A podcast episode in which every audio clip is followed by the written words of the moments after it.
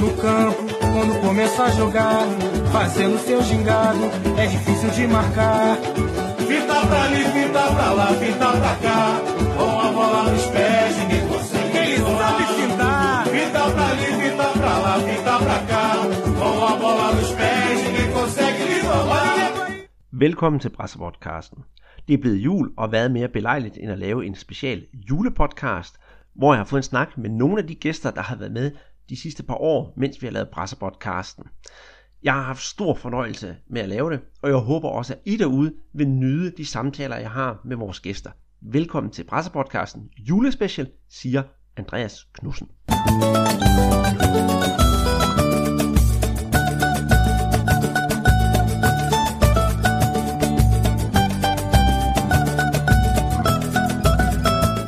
Efter denne lille julesamba, hvis man skal kalde den det, er det på tide, at vi siger goddag til vores øh, første gæst.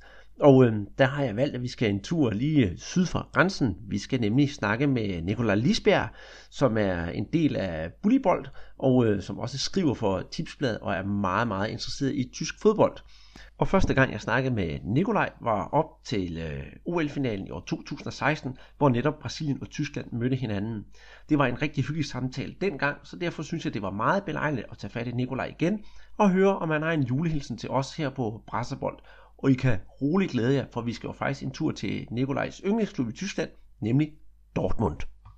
Von St. Pauli bis Sao Paulo und von Salzgitter bis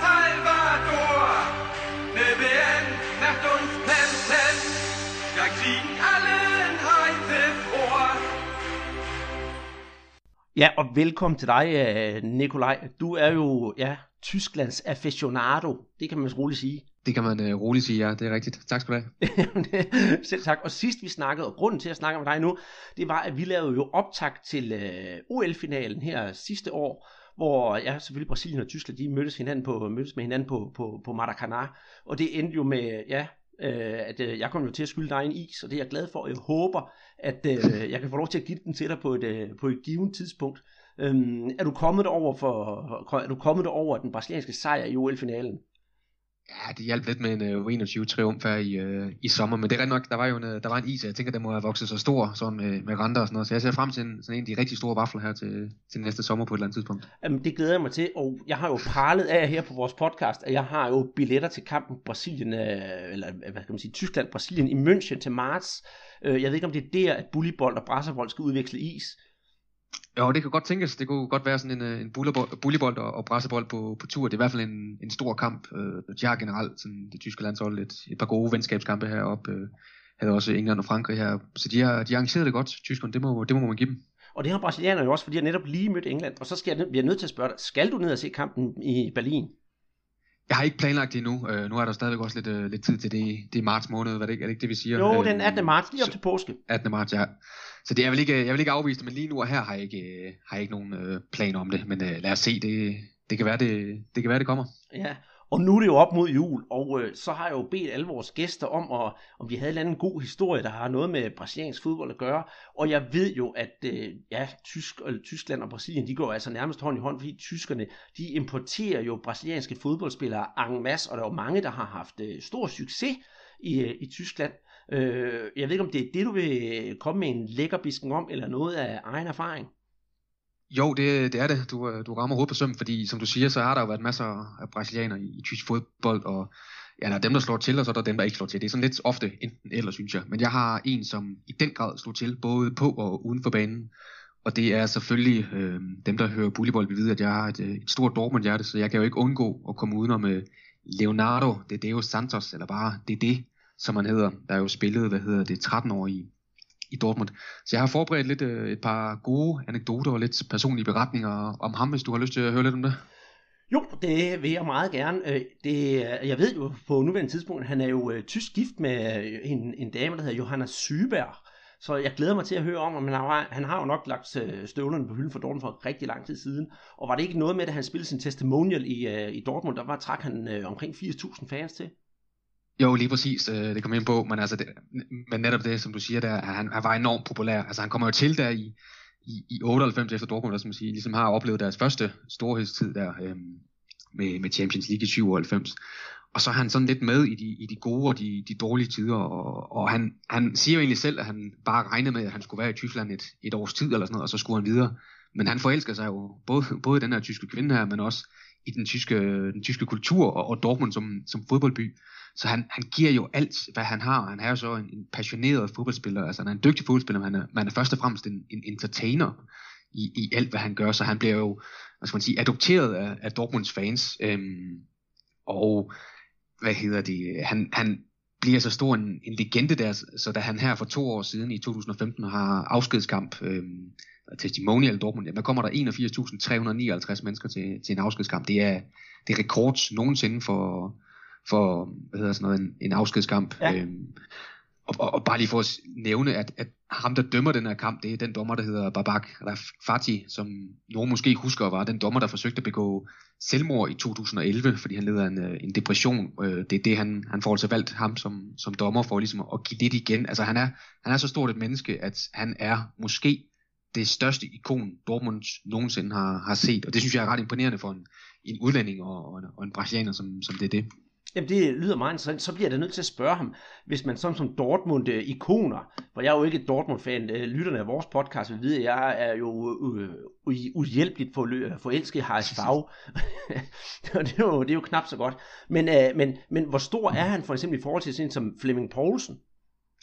Ja, men der er han større. Altså, han, han er det er jo altid svært at sammenligne og holde legender op mod hinanden, men han er måske næsten den største i, i Dortmund, altså også større end nogle af tyskerne, større end Jürgen Kohler. Øh, Michael Zorc har måske lidt, øh, lidt mere kredit, fordi han nu også har været sportsdirektør i, i så mange år, men, men altså bare lige at nævne nogle, nogle ting, altså han, der er en tiger i, i Dortmunds zoologiske have, der, der er opkaldt efter ham. Øh, da Götze han scorer et, et mål i, i 2011, hvor de vinder mesterskabet, jamen der løber han ud på, på sidelinjen med, og tager, eller tager trøjen over hovedet, hvor der så står nummer 17, altså han spiller jo altid i nummer 17, det er det. Øhm, jeg var selv på, på stadion, da Dortmund blev mester i 2011, og da, det er det, han har sin øh, sidste kamp, hvor han går rundt inden kampen og, og deler t-shirts ud til fans og, og store tuder.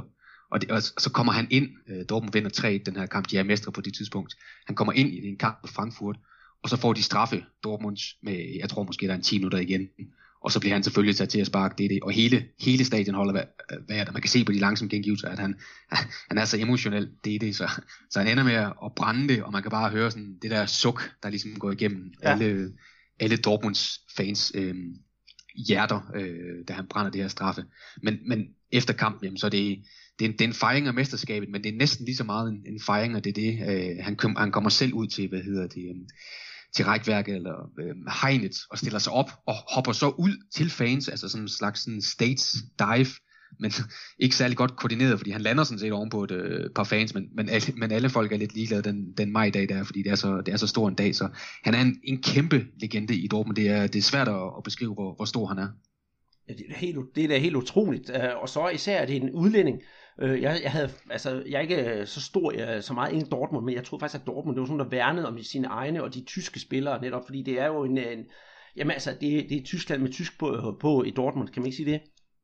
Jo, men, men, det, men det er også netop det der med det, det. Han er jo en af deres egne, eller han blev en af deres egne, fordi han tog kulturen til sig, han tog fansene til sig. Altså der findes masser af interviews, hvor han, hvor han er helt grædefærdig, når han skal beskrive det forhold, ham og, og fansene har. Altså det er en, det er en kærlighedshistorie uden lige. Øhm, så han er en af deres, han har jo netop, og det er jo netop det, de, de elsker ham for, fordi han var en, han var en dygtig spiller, især i, i 2002, 2003 er han en, øh, jeg synes jeg er en af Europas bedste backs. Jeg tror også, han får en enkelt landskamp, øh, men får ellers aldrig den store, øh, den store landsholdskarriere.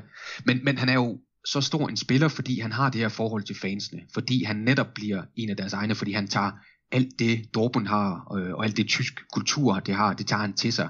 Øh, og det er det, der gør, at, at vi også sidder og snakker om ham i, øh, i dag. Mm, men, øh, men det var noget med hans karriere, den sluttede i, i, i Dortmund i hvert fald med, med en lang skadesrække. Men øh, det var ikke noget, der gik folk på. De ville stadigvæk se ham på banen måske. Ja, lige præcis. Altså, han får jo en, en alvorlig, jeg tror det er en korsbåndsskade, han får på et tidspunkt, og spiller ikke særlig meget de sidste to-tre år, også i takt med, at, at der kommer nye folk ind.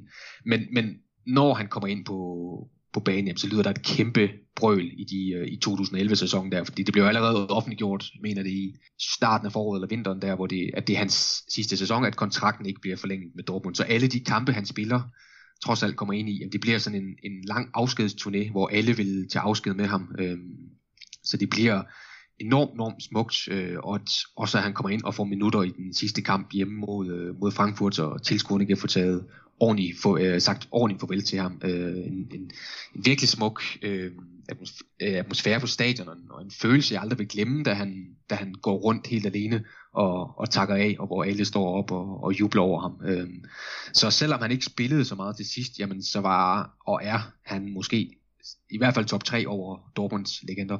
Nej, men det, det glæder mig at høre med mit, øh, med mit brasilianske hjerte. Øh, bor han stadigvæk i Tyskland, eller han flyttet tilbage til Brasilien? Ved du det? Han er, jeg mener, han er assistent, assistenttræner, er det i Besiktas faktisk. Øh, nu kommer jeg lidt i tvivl om, hvor det er. Han, han tog jo til tyrkisk fodbold efterfølgende. Jeg tror, han egentlig har en, øh, en trænerrolle dernede, uden at være helt sikker. Øh, men er af og til i Dortmund. Øh, de lægger jo gerne video op lige så snart han ligger vejen forbi, og det gør han som regel en gang eller to øh, hver sæson. Så han er stadigvæk utrolig velkommen, og hvis du er til fodbold i Dortmund, jamen altså, der er masser af trøjer med, med nummer 17 på ryggen. Jeg har faktisk selv øh, lige taget en på for at komme i, øh, i stemningen her. Jeg har normalt ikke øh, trøjer med nummer på, men, men lige ved det, det har jeg gjort en undtagelse og, og sikret mig en dengang i, fra en, jeg tror det er fra 99-2000 sæson med, med det, det. Allerede dengang kunne man ligesom se, at der var, der var noget specielt over den her brasilianer her. Jamen, det lyder fantastisk, og det, det er jeg da rigtig glad for. Og hvis jeg en dag kommer til, til Dortmund, så vil jeg da kigge efter en det tror jeg. Og selvom jeg har fagfan, så er jeg altså ikke bleg for at købe trøjer fra andre klubber. Det har jeg for eksempel, jeg er jo Flamingo-fan, men jeg har jo hav af, af andre brasilianske klubber, det klubtrøjer, og det, det kan jeg egentlig godt lide. Man, man bliver jo lidt af en samler. Ja, men helt sikkert. Altså, det gør man det Hvis man er fodboldelsker, øh, så, så er der jo et eller andet i det, øh, som gør, at, at man samler på klinodier og, og genstande, selvom det måske ikke lige har med ens, øh, med ens klub at gøre. Men, det, men jeg er sikker på, at hvis du tager til Dortmund, det vil overraske mig meget, hvis du ikke øh, ret hurtigt støtter ind i en øh, trøje med nummer 17 på ryggen. Ja, det, der, der kan man bare se det, og det vidste jeg faktisk ikke i forvejen. Jeg havde nu regnet med, at øh, du ville fortælle, øh, fortælle sådan noget lidt mere internationalt set, fordi øh, jeg havde på et tidspunkt sammen med Peter, som lavede podcasten med, snakket om øh, det der, der hedder Intercontinental Cup, der foregik i, jeg tror det sluttede i 1990, jeg er ikke helt sikker, det må du ikke hænge op på, øh, det der mini-VM for klubhold, som nu er blevet, blevet officielt. Og der var vi jo tilbage i 1900 og, og her var det 73, 76 undskyld, hvor øh, Bayern München de skulle møde brasilianske Cruzeiro, og det var jo før tv-tiden, øh, sådan for alvor slog igennem, og folk de kunne jo ikke, øh, ligesom vi kan nu streame en kamp for Europa, så det eneste man kendte til tingene i Europa, det var når der havde været VM i fodbold. Så Cruzeiro, der havde vundet det brasilianske mesterskab, de havde sendt et par journalister over i forvejen over til, til Bayern, og de der journalister, de ankom og vidste intet om Tyskland, udover hvad de havde set til, til, altså til VM 1974 med, med landsholdet. Og de blev jo rumme overrasket, at der lå jo en halv meter sne i, i, dernede i, i Bayern på det tidspunkt, og da kampen endelig skulle spilles, kom der et relativt, relativt uforberedt Cruzeiro-hold til Bayern, og øh, de holdt jo altså stangen mod, øh, mod Bayern München, og de havde jo altså nogle ordentlige stjerner Bayern dengang, men altså efter 80 minutter, så måtte de jo give op, øh, øh, og det, det, der var ikke noget at gøre ved det, og Cruzeiro siger selv, at de anede ikke, der var sne på banen, da de kom, så de var fuldstændig rundbarberet af, ja, af et hold, der, og jeg mener, dengang Bayerns 73 hold, de havde jo de største legender med. Ja, det var jo lige, øh, det var der, hvor de for alvor tog fart, øh, toppede måske lidt et par år senere, men, men det var det jo rigtig store, hvad hedder det, de store spillere dengang. Øh, det var jo også nogle, af vi er ved, ved Dortmund og, og, og Cruzeiro, det var også Cruzeiro, Dortmund mødte i 97, da der stadigvæk var Intercontinental Cup, hvor de mødtes i finalen. Dengang mødte de så i, i Japan, øh, hvor Dortmund så vandt 2-0. Jeg, jeg tror ikke, der var sne på, på det tidspunkt, og ellers har de sikkert været, været bedre forberedt dengang, de her brasilianer. Jamen det er rigtigt, og så vil jeg, jeg bliver lige nødt til at spørge den her sammenhæng, fordi i Brasilien, der var Intercontinental Club og VM, øh, VM for klubhold, som det hedder nu, det er noget af det største, man overhovedet kan være til. Hvad synes øh, tyskerne om den turnering? Ja, altså jeg ved ikke. Altså dengang især øh, med VM for, for klubholdet, som det, var det, var det noget stort noget.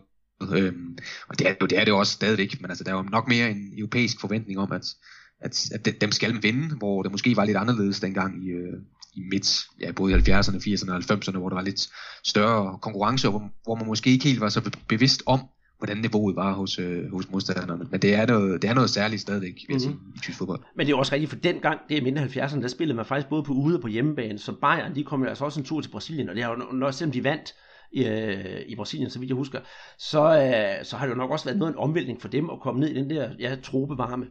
Ja, ja, helt sikkert, selvfølgelig har det det. Øh, og igen, jamen, så har de jo så ikke det store, den store viden om, hvad de, hvad de venter til. Altså, der har internettet trods alt øh, øh, gjort ting noget lettere, og det kommer nok ikke bag på de fleste brasilianske hold i dag, at der kan være sne i, i München i, øh, i vintermånederne, så, så noget har de forhåbentlig lært. Ja, det, det må man håbe på. Og ved du hvad, jeg vil sige uh, tusind tak og glædelig jul til dig, Nikolaj.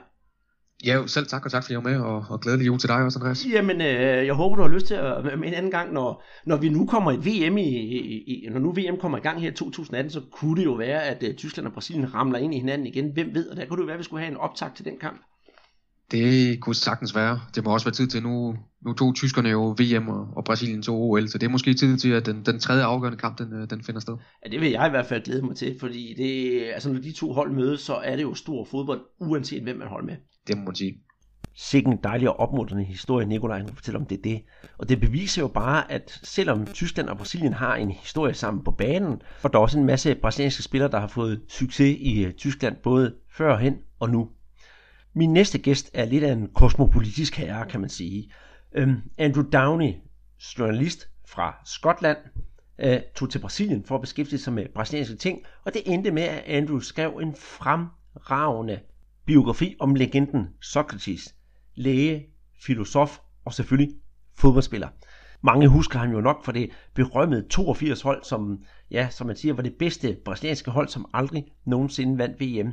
Jeg har selv læst biografien, og er ufattelig glad for den, og kan kun anbefale, at man køber den. Så jeg håber, hvis man skal have en ekstra julegave, at man køber på Amazon og køber Andrew Downeys bog, for det er simpelthen et must, hvis man skal have en god fodboldbiografi. Men lad os nu høre ordene fra Andrew Downey selv, og mund ikke, han kommer med en lille Socrates anekdote. Socrates still trying to get the opening. Oh, Socrates!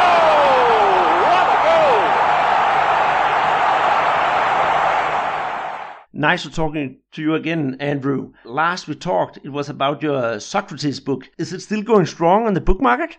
Yes, it is. It's been out now since March, so lots of got lots of great reviews. People seem to have received it quite well, and so I'm quite happy. And it's good to get Socrates' name out there in the public again, especially in a time where you know, there's so much going on politically and footballers say so little. It's good to get his name out there and, and have people talking about a man who was so important both on the field and off the field.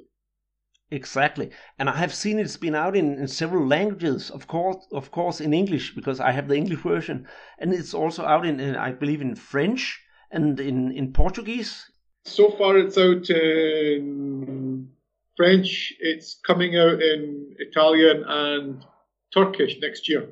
So those are the languages so far. Oh, and I'm still hoping to get a Scandinavian version of the book. But if I, as a Dane, want to, to buy the book, where will you recommend to buy the book?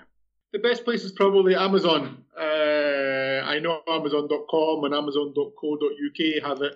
Amazon in France has it, and uh, I'm not sure if there's a, a, an Amazon, a Danish Amazon. I presume there is. Uh, not, Um, not, not at the moment, but there's a German there's one not. and Oh, a, the English one. Uh, well, the, the, the, the British one, yeah, Amazon.co.uk. That's that's where you can get it. and uh, how much does the book cost? Um, it's about eleven pounds fifty right now. The the price fluctuates online, but it's around about eleven pounds fifty. So it's a nice hardback copy. So that's not uh that's not too expensive for what is a, a you know a healthy book. There's three hundred fifty pages, and it's a nice hardback, as I said. So you get something for your money. And I'm biased, but I, th- I I think it's worth it. But I'm biased. it's eh, well, well you you wrote the book, but I will say as the reader, I will recommend it as, uh, as well. And it's yeah, it, it- actually I think it's cheap because books in Denmark are very expensive. So eleven pounds, well, it's a bargain. Go for it. Christmas presents. Yes, because it's Christmas time, and Christmas time is good for books. And uh, as a Christmas greeting, uh, I hope you have a Socrates story for us. Uh, do you have one? I'm, I do. I'm going to read you a, a quick passage from the book where we have a, a, a story of Socrates' arrival in, in Italy. Oh, So he had, as you know, he played for Flamengo. He had just signed for Fiorentina. and he arrived in Fiorentina. And on the first official day at his new club, he joined his teammates for a thorough pre-season medical. And as he waited to step on the treadmill for respiratory and cardiology tests, he calmly lit up a cigarette and started puffing away. The team doctor walked in and could hardly believe his eyes. What are you doing smoking? He said. We're about to test your lungs. But Dr. Socrates, Socrates says, I'm warming up my lungs for the exam.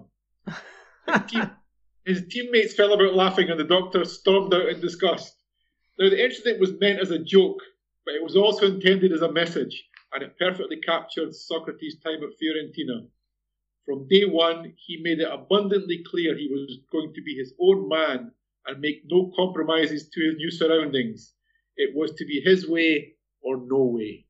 Oh, a, a fantastic story. And that's just another reason to buy your book. I hope so. It's it's it's it's a great little anecdote. It really sums up, I think, who Socrates was. You know, he was his own man. He did things his own way, and there's lots of different stories like this in the book that that I think get that message across. Exactly, and I also think that that a lot of the very good football players they were smokers. Uh, I can come, uh, tell you an example here from Denmark. Uh, Mr. Preben Elkjær, do you, do you know him? I remember Preben Elkjær very well. He Yeah. played against Scotland in the 1986 Yeah, uh, World Cup exactly. when you, you beat us one one 0 thanks to I think if I remember correctly it was Klaus Berggren hacking down Charlie Nicholas when he was going through on the goalkeeper to beat and that would have, we were going to make it one one.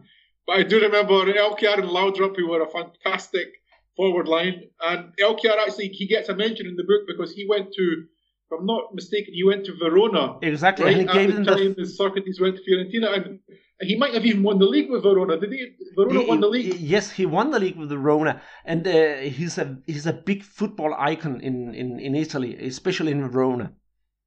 Right. Yeah, I, I remember him in Laudrup for Denmark as part of that. You know, the greatest ever Denmark team. I know you you you in 1982 you won the European Championship, and he probably was finished by then. But the team that a lot of people remember is the is that '86 team. Yeah, that's the real Danish dynamite. That's right. I remember it well. So I, I, I, I totally agree with you. And with the end of the story, we started to talk about Socrates, and now we're talking about Danish football. But let's greet each other with a nice Christmas, and uh, I hope to speak to you again in the new year. New year. Well, great. Thank you very much. Merry Christmas to you and to all your readers, and I hope that you know those of you that have, have read the book enjoyed it. And thank you, Andreas, for for you know for helping me publicize and for for your kind words. Og med den gode Socrates anekdote om opvarmning og rygning, lukker vi Andrew Downey ned og ønsker ham en rigtig, rigtig glædelig jul hjemme i Skotland. Vores næste gæst kommer også fra udlandet, men denne gang skal vi kun hensige os til Sverige, hvor vores gode ven David Berg holder til. David er journalist og skriver for hjemmesiden svenskefans.com, hvor han på skrift holder svenskerne assure med, hvad der sker i Copa Libertadores, den brasilianske liga, landsholdet etc. Jeg har fået en rigtig, rigtig hyggelig snak med David, men spids nu ørerne, for det foregår på en kombination af dansk og svensk, hvor vi snakker om blandt andet Romario, Slatan, VM i 94 og svenskernes chancer til det kommende VM. Og nu når jeg netop har snakket om Glenmark, Eriksson og Strømstedt, så skal vi da næsten høre lidt med dem, inden jeg snakker med David Bauer, for vi kan tænke tilbage på et VM i 94, hvor Sverige virkelig strålede ud over det sædvanlige.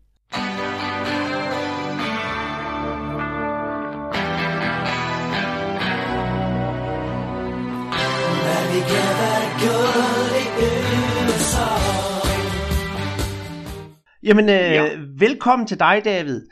Du var jo Tak. igennem, jo selv tak, du var igennem i sommerferien, da vi snakkede om sådan det generelle forhold mellem brasiliansk fodbold og, og, og svensk fodbold, og hvad dit øh, indblik er på sydamerikansk fodbold i det hele taget. Og jeg synes lige, vi skal starte med at, at sådan præsentere dig, fordi hvad er din indgangsvinkel til sydamerikansk fodbold og den hjemmeside, der hedder Svenska Fans? Just det. Ja, øh, framförallt så är det ju, eh, alltså Sverige och Brasilien har ju en, en historia eh, bakåt i, i tiden. Eh, Så, så att eh, vi har ju mötts väldigt många gånger, framförallt i VM. Så att det är lätt att, att komma i kontakt med brasiliansk fotboll och, och bli intresserad. Eh, Så, så det, mm, nej, det, det är något som alltid har fascinerat mig. Hvad er din yndlingsklub i Brasilien egentlig? For det fik vi jo ikke øh, snakket om sidst. Ja, just ja, precis. Eh, Vasco da Gama gillar jag ju eh, en del. Eh, jag tycker de har sympatiska historier. Det, det, det är väl samma som eh, Peter håller på va? Det er det lige præcis. Så ja, og det har jo været sådan lidt op og ned de sidste par sæsoner. Men, øh, Ja, men, men, verkligen. ja, selvom jeg holder med Flamingo, og det er Vasco er ærkefjenden, så har jeg en stor, stor respekt for Vasco, så der tager jeg hatten af for dig. Men øh, Ja, precis. ja, De är väl lite av folket, folkets lag bägge två så eh, eh, historiskt eh, sett så. Men, eh, och de har väl väldigt stora supportergrupper bägge, bägge två. Det jeg vil spørge dig om, fordi nu er det jo jul, og så skal vi jo have en øh, julehilsen, og øh, Mm. om, jeg vil høre, om du har en, øh, en sådan god historie om noget med måske brasiliansk og, og svensk fodbold, eller set, altså hvordan man ser på, på fodbolden i, i Sverige.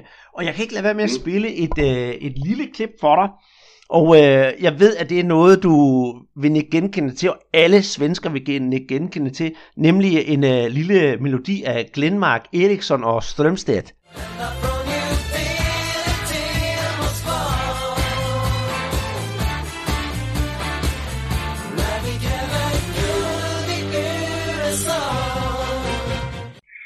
VM 94 var ju väldigt mycket, eh, för mig eh, var det väldigt mycket eh, Romario och han var ju väldigt speciell på, på många sätt. Framförallt finns det en lite kul historia från, från han tidigt PSV Eindhoven i slutet av 80-talet. Så, eh, så hans anfallspartner eh, Wim Kift, den holländske landslagsmannen, eh, berättade att eh, de hade kommit överens inför matchen att eh, Romario skulle dribbla av eh, fem stycken spelare och sen så skulle han spela fram Wimkift som sen skulle göra mål.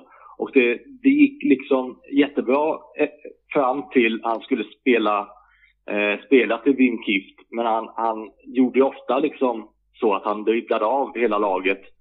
Eh, och när han väl var framme i mål så gjorde han mål själv. Han, han passade honom aldrig för han sa hela tiden det att när han hade gjort mål själv så sa han det att eh, jag passar fram dig nästa gång. Men, men det hände ingenting. Eh, så, utan, utan det, han, fortsatte och, eh, eh, och göra målen själv. Eh, så så att det, det, det visar lite på hans, på hans stora eh, ego, om man säger. Att han, att han var väldigt liksom, mån om att han själv skulle eh, skina och, och lysa. Han gjorde ju tusen mål drygt till slut. Så, så att eh, det, det säger, säger en hel del om Umarus personlighet. Och han var ju dödligt giftig i VM 94. Det var han som sänkte Sverige också. Så att, eh, hade det inte varit för Romario kanske vi hade nått eh, VM-final det året. Det vet man ju aldrig. Jamen det er rigtigt, han var meget, meget giftig. Men var det sådan dengang i 94, da, da Sverige skulle møde Brasilien, at man frygtede Romario og tænkte, hvordan skal vi øh, på den svenske måde behandle den der vilde brasilianer? Ja, just det. Ja, det, var, det var ju mycket, eh, att man, alltså det var ju väldigt mycket det skrevs om just Romario. Eh, och, och pratades om Romario innan, eh, innan de möttes där i VM 94 ju. Så det var ju, alltså det, det känns, åtminstone minns jag det eh, så.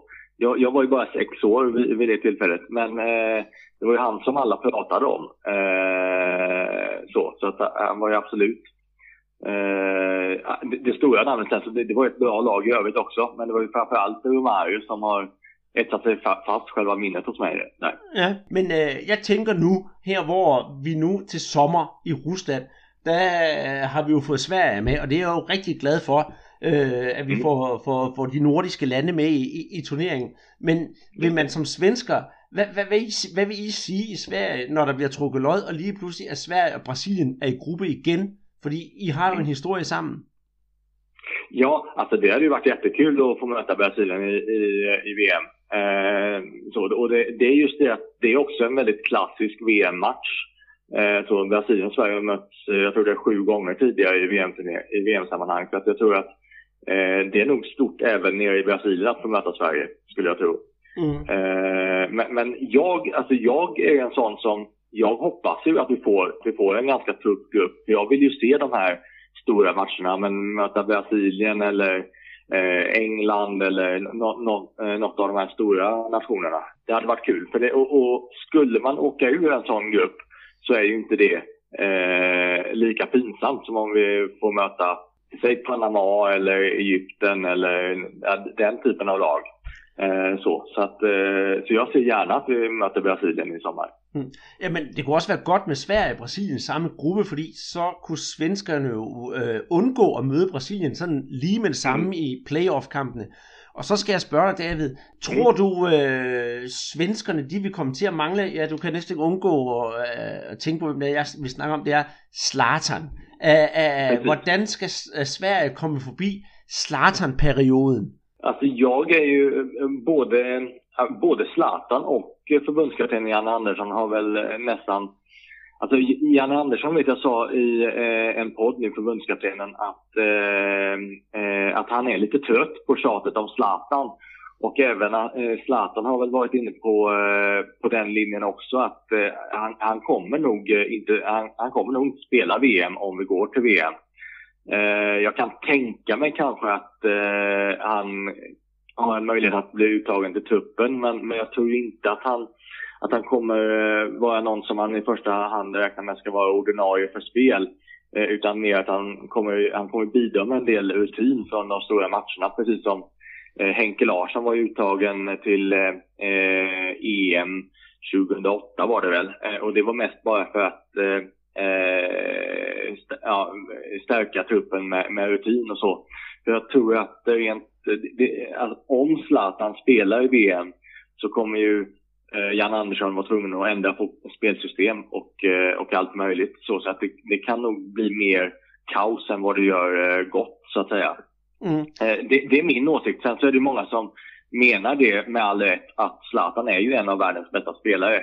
Så det är klart att eh, han platsar i det svenska landslaget. Och det, eh, så att det, det, det, är lite svår balansgång där med ska han med eller ska han inte med. Men jag är nog inne på att för lagets bästa så är det kanske till och med bättre att, eh, att åka utan Zlatan faktiskt. Mm. Men hvor alting er, så glæder jeg mig enormt til at se ja, selvfølgelig både Brasilien, men også Sverige til VM øh, eh, i 2018. Og øh, mm. tror du, at øh, vi får se, at øh, Glenmark Eriksson og Strømstedt måske laver en ny VM-sang til det svenske landslag? Ja, just det. Glenmark Eriksson, ja, det, det vet jag faktiskt inte. Det, Eh, det kanske blir någon annan artist, men, men jag har svårt att se att Sverige går riktigt lika långt som eh, det var VM 94. Det känns som att eh, dels är det ju eh, ett helt annat svenskt lag och sen så är ju Eh, om man tittar på konkurrensen så ser den ju annorlunda ut också. Eh, det är många, eh, det är jämnare överlag. Det är många bra lag eh, med i, i VM i år. det känns som att det är få, få lag som som inte ska vara där. Det har man känt andra år att det, att det finns så kallade slagpåsar. Liksom. Så att, överlag så är det ju eh, tuffare konkurrens nu också. Så att jag har väldigt svårt att se att Sverige går riktigt så långt som 94. Även om, men man kan ju drömma såklart. Helt klart. Og med, med drømmen om et godt VM til Sverige, så skal vi så ikke ønske god jul, både til jer over i Sverige og til vores lytter her i Danmark. Ja, og god, god jul selv. Tak i lige måde, og vi snakkes ja. ved, David. Det var rart, at du ville være med i vores julespecial. Just det. Tusind tak til David Berg. Det var en fornøjelse at snakke med ham, om end jeg måtte spidse en lille smule øre af ny og næ for at få alt det svenske med. Også dejligt at høre om hans passion for det sydamerikanske fodbold, og samtidig høre hans historie om Romario. Og jeg kan love jer for, det er altså ikke det sidste, vi kommer til at høre til Romario. Tværtimod. Den næste gæst, det er intet mindre end Christian Anblad. Christian er uddannet journalist fra Journalisthøjskolen i Aarhus i år 2000, og har blandt andet arbejdet på TV2-nyhederne, Kriminalmagasinet, Station 2 og flere forskellige produktionsselskaber. De sidste fire år har Christian levet i Brasilien, hvor han har dækket alt nyhedsstof fra det store kontinent. Udover at dække nyhederne fra Sydamerika, deltager han også i programmet Korrespondentens Klub på P1, hvor man kan høre, hvordan en korrespondent lever i det daglige i Brasilien. Første gang vi havde Christian med i podcasten som gæst, var for cirka et år siden, hvor vi snakkede om ulykken i Chapecoense og hvordan han på nærmeste hold havde oplevet det. Siden da har Christian gentagende gange været med i vores podcast, hvor vi har hørt nyheder fra hans by i det sydlige Brasilien, netop Florianopolis. Og selvom Christian kommer med sin julehilsen, tror jeg bestemt ikke det er sidste gang, han er med i Brasserpotten som gæst. Så med en lille bid af fodboldklubben Avaís hymne, siger jeg velkommen til Christian Almblad. Da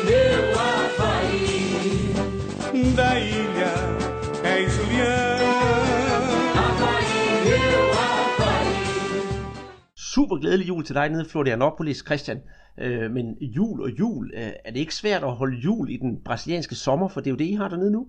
Altså, det er ikke svært for brasilianerne, men det er faktisk svært for mig, fordi jeg er jo stadigvæk så meget dansker, så jeg synes jo, at øh, når det er jul, lige præcis når det er jul, så er klimaet jo faktisk mere egnet hjemme i Danmark. Det skal helst være lidt mørkt og lidt koldt og lidt risengrød og sådan noget, ikke? Og det er der jo altså meget langt til her. Der, der står juletræerne og, og julemændene rundt omkring, men det er lidt underligt, når det foregår med, med 30 graders varme, det må man sige.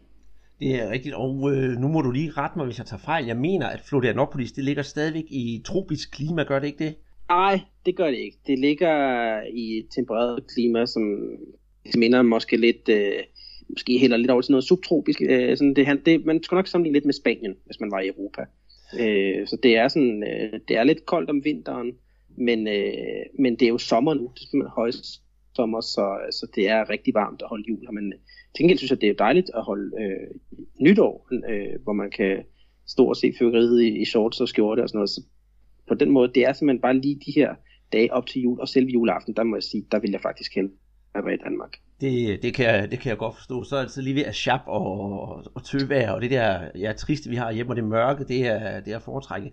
Men øh, øh, nu er du i Florianopolis, og vi kan desværre ikke komme udenom de andre gange, vi har snakket sammen. Der har vi jo snakket om øh, Avaí, som jo har ligget i den bedste række, og øh, på et tidspunkt så så alt jo godt og flot ud for Avaí, men desværre lykkedes det ikke for klubben, der inden for de sidste par runder kom under stregen, og nu må en tur ned i den næste bedste række. Hvad har man sagt til det i byen? Ja, og det var simpelthen så tæt på, at de reddede. Altså, de, det var faktisk, hvis man skal sådan helt kort fortælle øh, tidslinjen over sæsonen, så det startede rigtig skidt. Så kom de ind i en god stime, og folk begyndte at tro lidt på, at de måske kunne vinde, og, og faktisk begyndte at ligne et, et, et midterhold mere end et nedrykkerhold. Så begyndte det lige pludselig at dykke igen, og der blev tabt rigtig mange kampe. Og så helt til sidst, hvor alt håb næsten mod, der begyndte de faktisk at nærme sig en redning. Øh, det var faktisk sådan, at øh, havde de vundet den sidste kamp, hvor de spillede uafgjort, jamen så havde de reddet sig. Altså det var, øh, nu ikke fordi, der skal gå, øh, gå hele rækkens pointsystem igennem, men, men der var jo faktisk tre hold, der landede på 43 point, øh, hvor de to af dem rykkede ned, og det var så i det ene af dem. Ikke? Så det var, det var så tæt på, som det kunne være, at de reddede sig, men, øh, men de må altså en tur ned til B, og det må man sige, det er, det er et sted, de kender. Så, øh, så værre er det heller ikke, men det er, der en, det er der en skuffelse. Det er jo meget, meget sjovere at ligge i serie A end i serie B, det må man sige. Ja, og, og, og det er jo egentlig synd, selvom Peter og jeg vi hele tiden har sagt, at de nok var sådan jojo-holdet, så har vi altså alligevel lidt medlidenhed med de der små hold, og en gang imellem får lov til at ja, spise kirsebær med de store, og det var som du siger, det var jo lige ved, fordi de fik jo en uafgjort sidst mod Santos, men de to foregående kampe, det var jo øh, vinderkampe, så de havde jo nok håbet på at, på at blive op. Men hvad, hvad skal vi forvente af dem til næste år? Øh, vil de satse på at rykke op igen, eller skal de bare stabilisere sig og, og bruge et par sæsoner i næstbedste række, for så at vende stærkt tilbage? Altså hvis man skal tro på øh, de analyser, jeg sådan læser i lokale medier, så det man faktisk mest bekymrer sig om, det er, at, at man ikke får en spillerflugt. Altså at folk ikke øh, øh, smutter til de klubber, øh, som så skulle rykke op, eller andre klubber, øh, hvor man måske synes, det er lidt sjovere at spille. Øh, jeg tror ikke, det er så afgørende egentlig for dem, om de rykker op øh, eller holder sig i CB lige med det samme, eller der skulle gå en eller to sæsoner mere. Det, men det man frygter, det er, og det har vi faktisk set rigtig mange gange i Brasilien, det er, at der er hold, som sådan helt bliver splittet ad, og så tager de en ordentlig nedtur. Øh, for eksempel øh, Joinville, som er fra den stat, øh, jeg bor i her, Santa Catarina, de havde en, øh, et, øh, lidt af et eventyr, hvor de rykkede op i Serie A, og så gik de ellers bare en tur. Jeg kan ikke engang, ved ikke engang, hvor langt de er nede nu, øh, men altså, de øh, rykkede ned til A til B til C, øh, i hvert fald. Så det, altså, det har man set mange gange, det der med, at når først nedturen rammer, så rammer den hårdt. Øh, så jeg tror egentlig, det er det, der er prioriteten, det er, at man ligesom siger, kan vi bare holde på de fleste spillere, som var stammen, og som jo var lige ved at være gode nok til at jamen så, så ser fremtiden måske ikke så skidt ud. Og så er det jo også sådan, som du ved, øh, Andreas, at at det har det her mærkesystem i Brasilien, at, at vi skal jo faktisk i gang med at spille om øh, statsmesterskabet nu. Så det er sådan, altså CB ligger jo egentlig lidt ude i fremtiden. Nu skal man til at spille mod øh, og have en masse lokalopgør her i staten, så det er sådan en, det er sådan en lidt mærkelig måde øh, for os europæere, at man spiller de her to turneringer afhængig af, hvor man er på året. Ikke? Øh, så nu, nu, nu, nu gælder man bare så godt i statsmesterskabet, det er det første.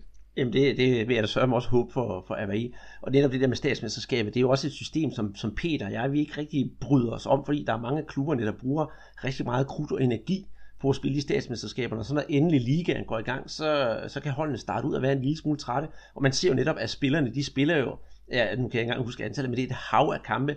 Øh, altså, vi, vi, vi når langt op over 60 kampe for, for en god spiller på en sæson, og så er det jo klart, at de er fuldstændig slidt. Men lad, lad det nu ligge. Øh, grunden til, at vi snakker sammen, det er jo for at ønske hinanden god jul ligesom med vores andre ja. deltagere her i, i podcasten, så vil jeg jo altid gerne have sådan en, en krydder det med en, en lille god julehistorie, gerne der er fodboldrelateret, og det tænker jeg, Christian, du bor jo i, i, i Brasilien, så du må jo have nogen fra hestens mund, om man så må sige. Jamen det har jeg, men jeg bliver nødt til at sige, at det første og det mest øh, i øjenfaldende positive, der er sket, det er vores, øh, det som vi det to snakker om rigtig mange, det er jo Chapecoense, som er fra den stat, jeg bor i. De endte jo simpelthen med at blive nummer 8 øh, altså en, en, en, en flykatastrofe satte en stopper for et kæmpe fodboldeventyr, og så ender de med den bedste placering, så vidt jeg kan huske i hvert fald nogensinde. Øh, og ovenikøbet øh, med, øh, med et par flotte mål af Tullio, vores, øh, vores gamle OB-ven, i, i de sidste kampe. Altså, og de skal jo øh, ud og spille, så vidt jeg kan regne ud, så skal de spille det der øh, øh, kvalifikationsspiller til Libertadores, så det er jo helt fantastisk, at den der lille by, der blev ramt af en tragedie, de kan nu fejre jul, øh, velvidende, at de simpelthen er mellem de otte bedste hold i øh, Brasilien, oven på sådan en katastrofe, hvor hele holdet stort set blev øh, ud, udryddet. Ikke? Så det, øh, det synes jeg er en, en god og dejlig julehistorie. Ja, det har du fuldstændig ret i, Christian. Det er en fantastisk julehistorie, og Peter jeg har jo netop nærmest skamrosen de sidste par podcasts over, hvordan det er gået, og vi har fulgt øh, Tullio rigtig tæt, og jeg kan da fortælle dig, øh, du kender ham jo også lidt, at øh, han nyder at sæsonen overstået og har taget til øh, hvad hedder det, øh, Disney World i øh, Orlando, Florida, for at fejre, ja, kan man sige, sommerferien med familien, og det synes jeg bestemt er, er velfortjent. Nu er han jo så uden klub, så vi glæder os rigtig til at se, hvor han skal hen. Og øh, vi skal da være ærlige, både Peter og jeg, at sige, det kunne være sjovt, hvis han kommer til Danmark igen. Det sker nu, det sker nu næppe. Men øh, en charmerende fodboldspiller, som vi rigtig, rigtig godt kan lide. Og øh, med, med Tullio, der vil jeg ønske dig rigtig god øh, jul, Christian, og øh, jeg håber, at du kan nyde det dernede med din familie, og måske, hvis du kan være heldig, måske finde en flæskesteg eller en, en and, du kan stege til juleaften, så du kan få lidt øh, dansk inspireret jul nede i sommervarmen? jeg tror, det bliver noget med at, at smide en and på, på grillen i stedet for, men, men det skal nok blive hyggeligt, og jeg vil også sige uh, rigtig god jul til jer, og godt nytår, og så specielt håbe på, at vi får en, uh, en VM-finale med Brasilien og Danmark næste år. Ja, det vil simpelthen være kæmpe, kæmpe, kæmpe stort. Tusind tak for, at jeg må snakke med dig, Christian, og øh, kan du have en rigtig god jul. Som altid var det fantastisk at snakke med Christian Alblad, selvom der var knas på vores telefonforbindelse. I forlængelse med vores snak skal vi da også have vores geografi på det rette og fortælle, at Florianopolis har subtropisk klima. Så har vi det på plads. Næste gæst er også en mand, der er kendt fra sit virke i DR-regi, nemlig min navnebror Andreas Kravl. Andreas er formand for de danske sportsjournalister og har dækket et hav af slutrunder og har set fodbold i alverdens lande. Tilbage i vores podcast i august 2016 tog jeg en snak med Andreas om hans oplevelser ved VM i Brasilien og hans syn på netop brasiliansk fodbold. Selvom det mest handler om VM, lover jeg, at Kravl kommer med en lille sjov historie om hans første rejse til Brasilien. Og selvom mange sikkert forbinder intromusikken med tv-programmet Kender du typen, har dette stykke musik været et fast indslag, da man for 10 år siden satte sig foran sin radio for at høre sport på træerne, hvor jeg første gang hørte Andreas Kravl i radioen. Så med Stereo MC's Step It Up siger jeg velkommen til Andreas Kravl.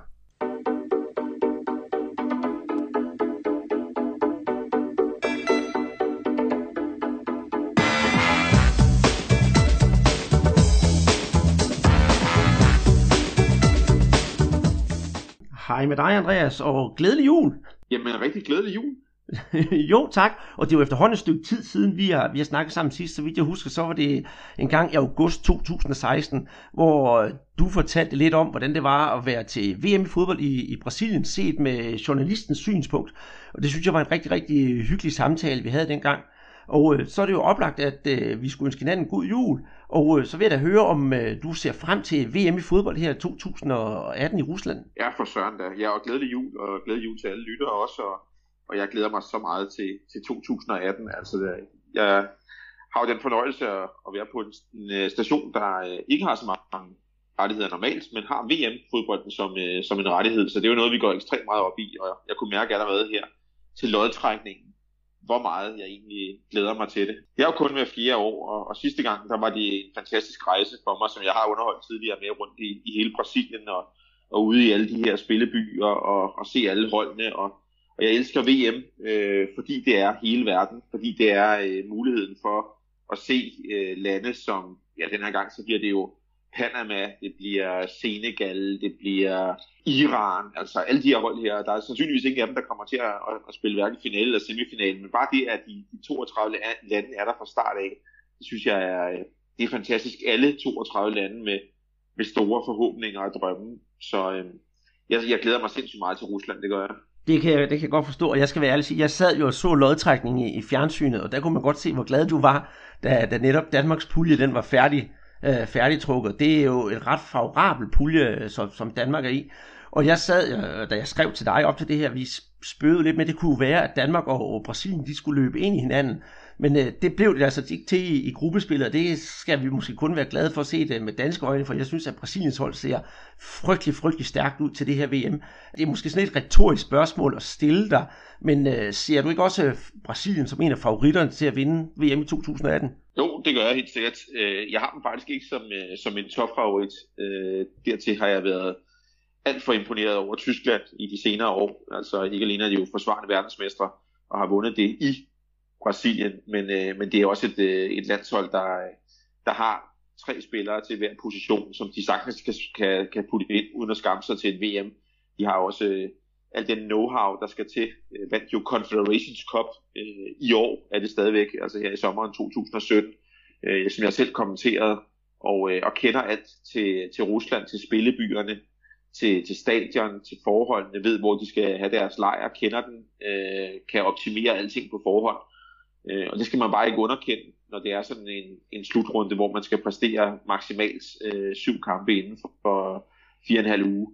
Så, øh, så tyskerne er min favorit, men jeg har også været meget imponeret over Brasiliens VM-kvalifikation. Øh, jeg, jeg synes, de, øh, de har øh, optimeret på, øh, på den del, som de øh, for, ja det er jo så snart fire år siden, men for tre år siden var dårlige i, altså den defensive struktur. Øh, en anden rettighed, vi har på DR, det er UL-fodbolden, og, øh, og der havde jeg så fornøjelsen af at kommentere hovedparten af Brasiliens kampe øh, på hjemmebane i Rio, og, øh, og der, der var selvfølgelig nogle fantastiske offensive spillere på det hold. Gabriel Jesus og, og Neymar selvfølgelig. Men, men jeg synes også, at der var nogle virkelig, virkelig dygtige forsvarsspillere, som så er kommet ind omkring A-holdet også. Og, og de, er, de er mere skolede, vil jeg sige. De, og det, det tror jeg gør noget rigtig godt, fordi man, man kan sige om Brasilien, at, at vi kender alle sammen deres offensive styrke, deres offensive firepower, men hvis de så ovenikøbet også får en defensiv, så begynder det jo at være lidt kriminelt for modstanderen. Ja, præcis, og øh, vi har jo godt kunne lide Peter og jeg på podcasten, en øh, der hedder Marquinhos. Han har været rigtig fremragende, og han skal ja, nok også præcis, ja. Ja, ja. Træde, træde karakter han var også, til. Ja, han var, han var jo fantastisk under OL. Altså, ja. Det var en af lige præcis de spillere, som jeg, som jeg fik øjnene op for under den turnering, og, og så, hvor, hvor stærk egentlig er. Øh, og, øh, og jeg er da sikker på, at han, han kan også blive en kæmpe profil i Rusland. Det, det, det tror jeg helt bestemt. Men inden, øh, inden vi drukner snakken helt om, om det her VM, så vil jeg også sige, at jeg glæder mig også enormt meget, og jeg glæder mig faktisk selv. Jeg skal ned og se øh, Brasilien-Tyskland her i påsken, og der kan, vi, der kan vi nok få lov til at se, hvordan de to hold, uh, hvordan deres styrke er hver især. det glæder mig rigtig meget til. Men jeg tænkte her øh, i julens anledning, om du har lyst til at komme med en julehilsen i form af en, øh, en, god anekdote, som ja, på en eller anden måde vedrører brasiliansk fodbold, fordi du har jo om, om nogen haft hænderne på brasiliansk fodbold i alle henseender, om det så har været i, ja, i Superligaen for eksempel, eller i, ja, på den internationale scene. Og jeg har masser af gode historier, øh, og, og elsker jo øh, gode historier fra, fra Brasilien, men øh, jeg, jeg er faktisk gået langt tilbage til mit første besøg i Brasilien for at finde den her lille juleanekdote, som jeg vil, øh, jeg vil gå med. Den, øh, den omhandler øh, en, øh, en fodboldkamp på øh, Maracanã, men øh, altså selvfølgelig så før Maracanã blev moderniseret, så det er det helt gamle nedslidte, og vi er tilbage i starten af, af 00'erne. Jeg tror, vi er i, øh, i 2003 eller 2004, og jeg er taget med på et efteruddannelseskursus. Og der er rigtig, rigtig mange ting, der går galt på det her kursus her, øh, lad os sige sådan. Øh, men, men vi når dog ind og se øh, et par kampe på Maracanã, og, øh, og vi ender se en kamp med, øh, jeg mener det er Fluminense, og, øh, og der er... Øh, der er 13.000 tilskuere på, på stadion, og der var på det tidspunkt plads til, ja, hvad ved jeg, 150.000 eller sådan noget. Så, øh, så lad os sige, sådan, der var god plads derinde. Øh, og på det tidspunkt der arbejder jeg på politik Men øh, jeg har jo været i praktik på, øh, på Danmarks Radio og på Radiosporten, så jeg har ligesom fået øjnene op for, for radiomediet. Og der lærer jeg altså noget om ihærdighed hos en radioreporter. Der sker det, at, øh, at Fluminense, som har Romario på holdet på det tidspunkt, og det er ligesom ham, der er det store trækplaster og så videre, men Fluminense, de får, øh, de får en spiller smidt ud, øh, rødt kort, og, og den her spiller på vej ud af banen bliver simpelthen interviewet af en sidelinjereporter for øh, den transmitterende radiostation. Der tænker jeg, altså, der, der går man den ekstra, det ekstra skridt, og det er jo det, brasilianerne gør, når det gælder fodbold, i alle henseender. Altså, de går bare det ekstra skridt. Og øh, han var simpelthen, øh, han røg 10 meter ind på banen, for at få den første kommentar fra den udviste spiller under kampen på vej ud af banen. Og der tænker jeg, okay, brasiliansk fodbold, det er for fedt. Det må jeg have noget mere af. Jamen, det, det, det er jeg da rigtig glad for. Og øh, nu er det jo faktisk sådan, at der bliver vist, øh, der har været vist nogle kampe her i efteråret på, på nogle kanaler i Danmark. Så det er vi Peter og Almi også rigtig glade for. Vi vil jo gerne eksponere øh, den brasilianske fodbold i Danmark, altså, og det er jo både på, på godt og ondt, vi kan, vi, vi kan, vi kan gøre det, men øh, vi er jo også glade for, at der er nogen, der gider lytte til os netop, og at nogen har fundet den der passion for, for, for brasiliansk fodbold, som vi har. Nu har jeg jo snakket for eksempel med, med Jonas Schwartz, ham kender du garanteret, han har jo det samme for Argentina, og vi, han prøver også at, at, at få fodbolden sådan frem i verden dernede fra, så, så folk kan opleve alt det, det den hjerte og, og kærlighed, der er. Det nærmeste, jeg synes, man kan komme i Europa, det er faktisk italiensk fodbold.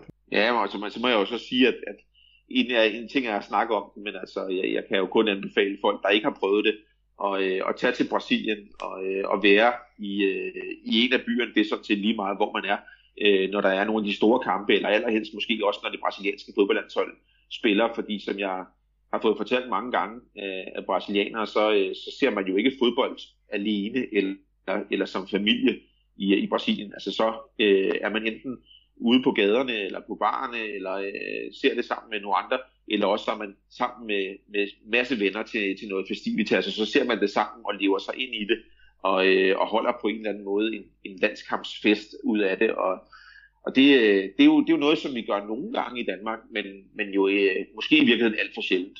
Jeg giver, dig, jeg giver dig fuldstændig ret. Nu er jeg jo stor Flamingo-fan, og, og, og øh, vi er et fortal her i Danmark, men for eksempel i andre større, altså større byer, rundt omkring i Europa, i Lissabon for eksempel, der har man, der har man simpelthen fodboldklub ambassader, hvor man så mødes på bar og ser fodboldkampene for at holde med de der øh, brasilianske hold, man nu holder med, om det så er Flamengo eller Santos eller hvad det er. Og det synes jeg er en stor ting. Det, det er jo ikke noget, man er vant til herhjemme. Nej, altså det tætteste på, vi kommer er jo, øh, at der er måske nogle popper, som der siger, okay, det her, det er, det er en Liverpool pop, og det er, det er en United pop, og så videre, ikke? Altså sådan, øh, så, man, så man kan se det der, ikke? Altså, men, men øh, ja, man, man kunne måske godt øh, blive lidt, øh, lidt bedre til at, øh, at dyrke noget af det her fællesskab omkring fodbold. Men det er også klart, at, at vi har jo ikke året rundt de samme muligheder for, øh, for at gå ud og, og være på sådan nogle halv, halv udendørs bar. Altså det, det indbyder lidt mere, vil jeg sige, når man, øh, når man er i Rio til at se en kamp sådan, øh, på sådan en halv fortorvscafé, vil jeg sige, end, end det gør en, øh, november aften i, i Danmark. Det, det giver dig fuldstændig ret i. Og med, med sådan lidt, lidt sommersnak, så synes jeg, vi skal tage, eller sige god jul til hinanden, og så håber jeg, at du øh, får nyt øh, julen sammen med din øh, familie, og vender frisk tilbage i det nye år med en masse omgang øh, sport i både vores øh, radio og fjernsyn. Det skal jeg helt sikkert gøre. Jeg, jeg glæder mig til det, og jeg ønsker jer alle sammen en rigtig glædelig jul og et godt nytår. Tak skal du have, Andreas.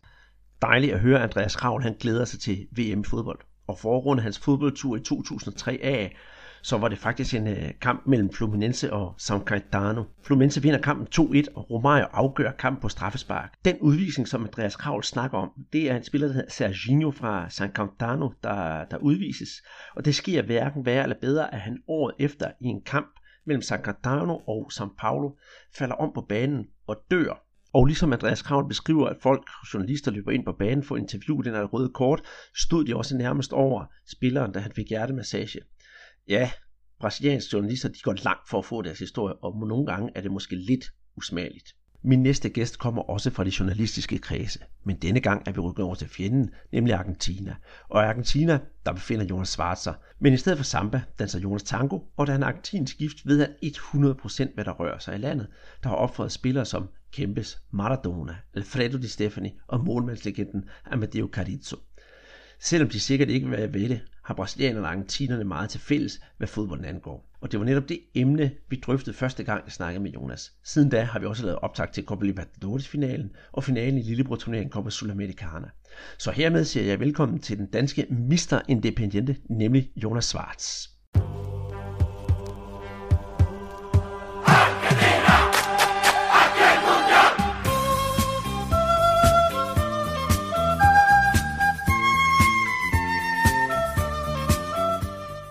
Det lille stykke musik her var jo, ja, argentinsk kan man jo godt sige, for det var nemlig hymnen til VM i 1978, skrevet af ingen ringer end Ennio Morricone.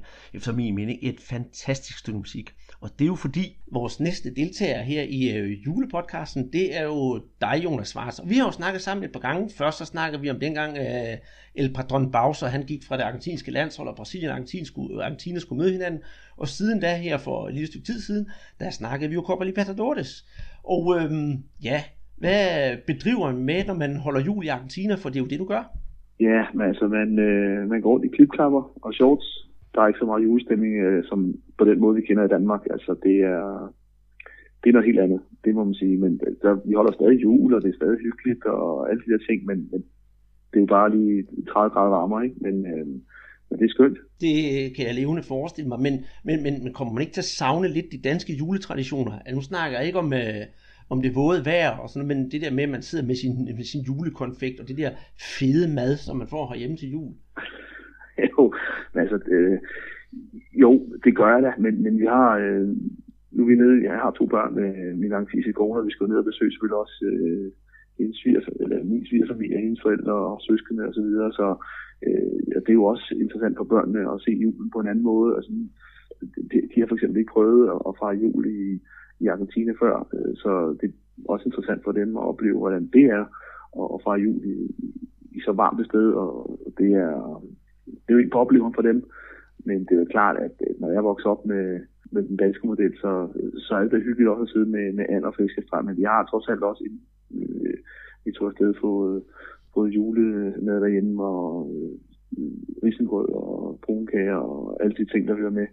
Øh, så det, det er en win-win for mig, kan man sige, også, også for børnene, at de prøver det her. Jamen det er for, så får de jo også lært noget om deres, kan man sige, andet fædreland og kulturen dernede, hvordan, man, hvordan det hele foregår til de forskellige højtider. Men uh, ligesom alle vores andre gæster, Jonas, så slipper du altså ikke for at, at komme med en lille historie uh, om fodbold set lidt med brasilianske briller. Og jeg ved ikke, hvor svær den er for dig, fordi du har jo den, uh, den lyseblå og hvide trøje på jo. Jamen, den er ikke svær. Den er overhovedet ikke svær, fordi øh, altså, øh, nu følger ikke så meget med i brasiliansk fodbold, som, som du gør, men jeg har været der øh, selvfølgelig og, og oplevet brasiliansk fodbold øh, på, på nærmeste hold, og jeg var, øh, den historie, jeg gerne vil fortælle, det var, da jeg øh, tilbage i 2007, der boede jeg øh, i Argentina, der blev jeg bedt om at tage til øh, Rio og lave en historie om Romario, som var tæt på at score sit mål nummer 1000, i hvert fald ifølge hans egne beregninger. Så kommer jeg altid til spørgsmålstegn med, hvad for nogle mål han har taget med i, i det regnestykke. Men øh, jeg, jeg tog til Rio øh, og øh, skulle så følge ham i, i nogle dage op til en kamp, som Vasco skulle spille faktisk mod Flamingo, øh, dit hold. Øh, og så, øh, det var i Rio-mesterskabet. Um, øhm, og han stod for 998 mål øh, inden den kamp. Uh, og øh, jeg ankommer så til Rio og har så fået booket en brasiliansk øh, lokal øh, kameramand, øh, som øh, var fantastisk dygtig, og han hentede mig så på hotellet, og vi skulle så prøve at få fat i Romario. Vi vidste jo godt, det var jo en helt, helt stor historie i, i, i Brasilien, øh, og selvfølgelig også en historie, der interesserede international pres. Men jeg var faktisk den eneste ikke brasilianer, der var øh, nede på Sao øh, Januario, hvad det hedder, stadion. Ja, det hedder øh, Vascos lille bitte intime, hyggelige stadion fra 1930. Ja, men det er et, et lille hyggeligt stadion, hvor øh, der er ikke er, der er, der er slet ikke noget bag det ene øh, mål, det var meget lidt, men, øh, men så øh, en sjov stor var, at vi kommer ind og skal øh, ind til stadion, øh, og jeg kender jo slet ikke Rio øh, på samme måde, som, som han gør selvfølgelig, så siger han, lige inden vi skal ind øh, i området omkring stadion, så siger han til mig, nu skal du lige, dæk, nu skal du lige dukke dig øh, ned i, i bunden af bilen, fordi øh, det er ikke så godt, at du de ser, der er en, øh, en, en lysrøget mand her i bilen. Øh, og så fortæller han mig, at lige bag stadion, der er en øh, ret stor favela, og da vi kommer ind på stadionområdet, der kunne vi bare høre skud. Så sagde jeg, jamen det er deroppe, det skal du ikke tage dig af. Det, de skyder op i farvelagen, men det er ikke, ikke ned mod stadion. Der var sådan, okay, så, så var jeg ankommet dertil. Ikke? men øh, Romario, han, øh, han kommer, de, de træner så, det var om torsdagen, de skulle spille om, øh, jeg tror, de skulle spille om lørdagen, eller om søndagen, det kan jeg ikke huske, men, men, men det var i hvert fald om torsdagen. Øh, og øh, der, der sker så, det var, det var lørdagen til at spille, for det var torsdagen, vi havde den første træning, vi havde to træninger.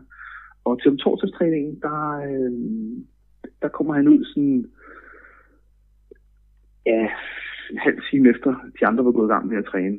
Øh, og, og der øh, står han bare inde midt på banen og jonglerer og, og, og chatter til bolden, mens de andre løber rundt og, og laver øh, forskellige øvelser. Og så går han ind igen, og så venter vi alle sammen på, at han kommer ud. Øh, og den eneste, der kommer ud, det er hans søn, øh, som på det tidspunkt, øh, han hedder så øh, Romarinho, eller noget af den stil. Øh, han er blevet en voksen mand nu, men han var 11 år på det tidspunkt, og så kom han ud og skulle snakke med præsten. og så stod vi, øh, og, og, og, og jeg synes, at det var bizart, fordi øh, man, altså, i Danmark, det der med at sende børn ud, og, men han, han stod der lige pludselig, og så blev han interviewet live til marsianske tv-kanaler, og øh, du ved, 20-30 journalister omkring ham med snorende kameraer. Øh, jeg synes, det var helt vildt bizart, at det foregik på den måde, at normalt er vi sådan Danmark, der skal man lige beskytte børnene, og i hvert fald ikke øh, lige, jamen, præsten foran en, en linse. Og så, øh, det var det, vi så til Romario den første dag, og så til fredagstræningen, der, der var han der slet ikke. Så, øh, så han mødte altså bare op til kampen på, øh, på Maracanã øh, med, med meget lidt bold i, i benene, men øh, han scorede kun et mål. Så han, øh, jeg måtte rejse hjem øh, med historien om, at han, øh, han var et mål for de tusind mål, men øh, det var det var en virkelig, øh, virkelig, virkelig spøjs øh, oplevelse, det her med at, at opleve, øh, det var mit første møde med, med brasiliansk fodbold, selvfølgelig også med, med Romario, og, og hvad han betyder at snakke med folk, altså, øh, øh, og, og, og selvfølgelig det her med, at hans søn, øh, han blev sendt ud til at snakke med pressen i stedet for ham selv, den her 11-årige søn, det var, det var en bizarre oplevelse, men en, en stor oplevelse, jeg aldrig glemmer. Jamen det, det kan jeg godt forstå, og jeg kan så tilføje, at hans mål, såkaldte mål nummer 1000, lad os kalde det, det kom mod øh, Sport Recif øh, Øh, på et straffespark, og det øh, har han selv sammenlignet det straffespark som værende et, et kopi af det mål, Pala han lavede som mål nummer 1000, så han sætter sig lidt op på en, på en pedestal, og det gjorde han jo også dengang meget flamboyant, øh, og så lidt, lidt hvis man bruger udtrykket, brallerøv, men han er altså blevet en seriøs herre her, her senere. Så ja, der kan man bare se, og jeg siger tusind tak for, for den gode historie, Jonas, og kan du have en rigtig god jul nede i den argentinske varme? Ja, og i lige måde kan du passe godt på øh, producere din kære. Det kan du tro, jeg vil herligt at høre fra en rigtig Argentina-aficionado. Og man kan jo næsten høre, hvordan Jonas han har den samme passion for fodbolden netop i Argentina, som Peter og jeg har for ja, fodbolden i Brasilien. Men uh, inden vi går videre til næste gæst, så vil jeg lige tage mig en... Uh, og mens jeg nyder lidt af min Guadana her, så skal jeg sige til jer at holde ud og blive hængende til slut i programmet, for der præsenterer vi nemlig en quiz, hvor jeg har en øh, Corinthians trøje på højkant, samt 60 styks halvliters Guaraná, som vi har fået vores samarbejdspartner, nemlig Guaraná Arctica i Danmark. Min næste gæst var den første gæst, vi havde med i vores podcast, og ligesom de foregående gæster har han en god historie om legenden Romario. Men i modsætning til alle os andre, der kun har set ham på banen, har min næste gæst rent faktisk spillet sammen med ham på Grønsværen. Men i stedet for at nævne hans navn, vil jeg introducere ham med denne lydbid. Det er godt fintet. Rand, og så Torninger. Og Torninger til 2-1 for AGF. Hej Thomas, og velkommen til vores øh, julepodcast. Øh, nyder du øh, det danske julevejr? Det kan du tro, Andreas. Det, øh, herovre i Aalborg, der ser det fornuftigt ud, hvor jeg er i dag. Så det har der været, øh, det har der været nogenlunde. Men øh, man vil selvfølgelig gerne have været nede i varmen, hvis det var muligt. Men øh, det må vi hellere vente lidt med. Ja, men det, det tænker jeg, det kan være, det kan være, at tiden kommer.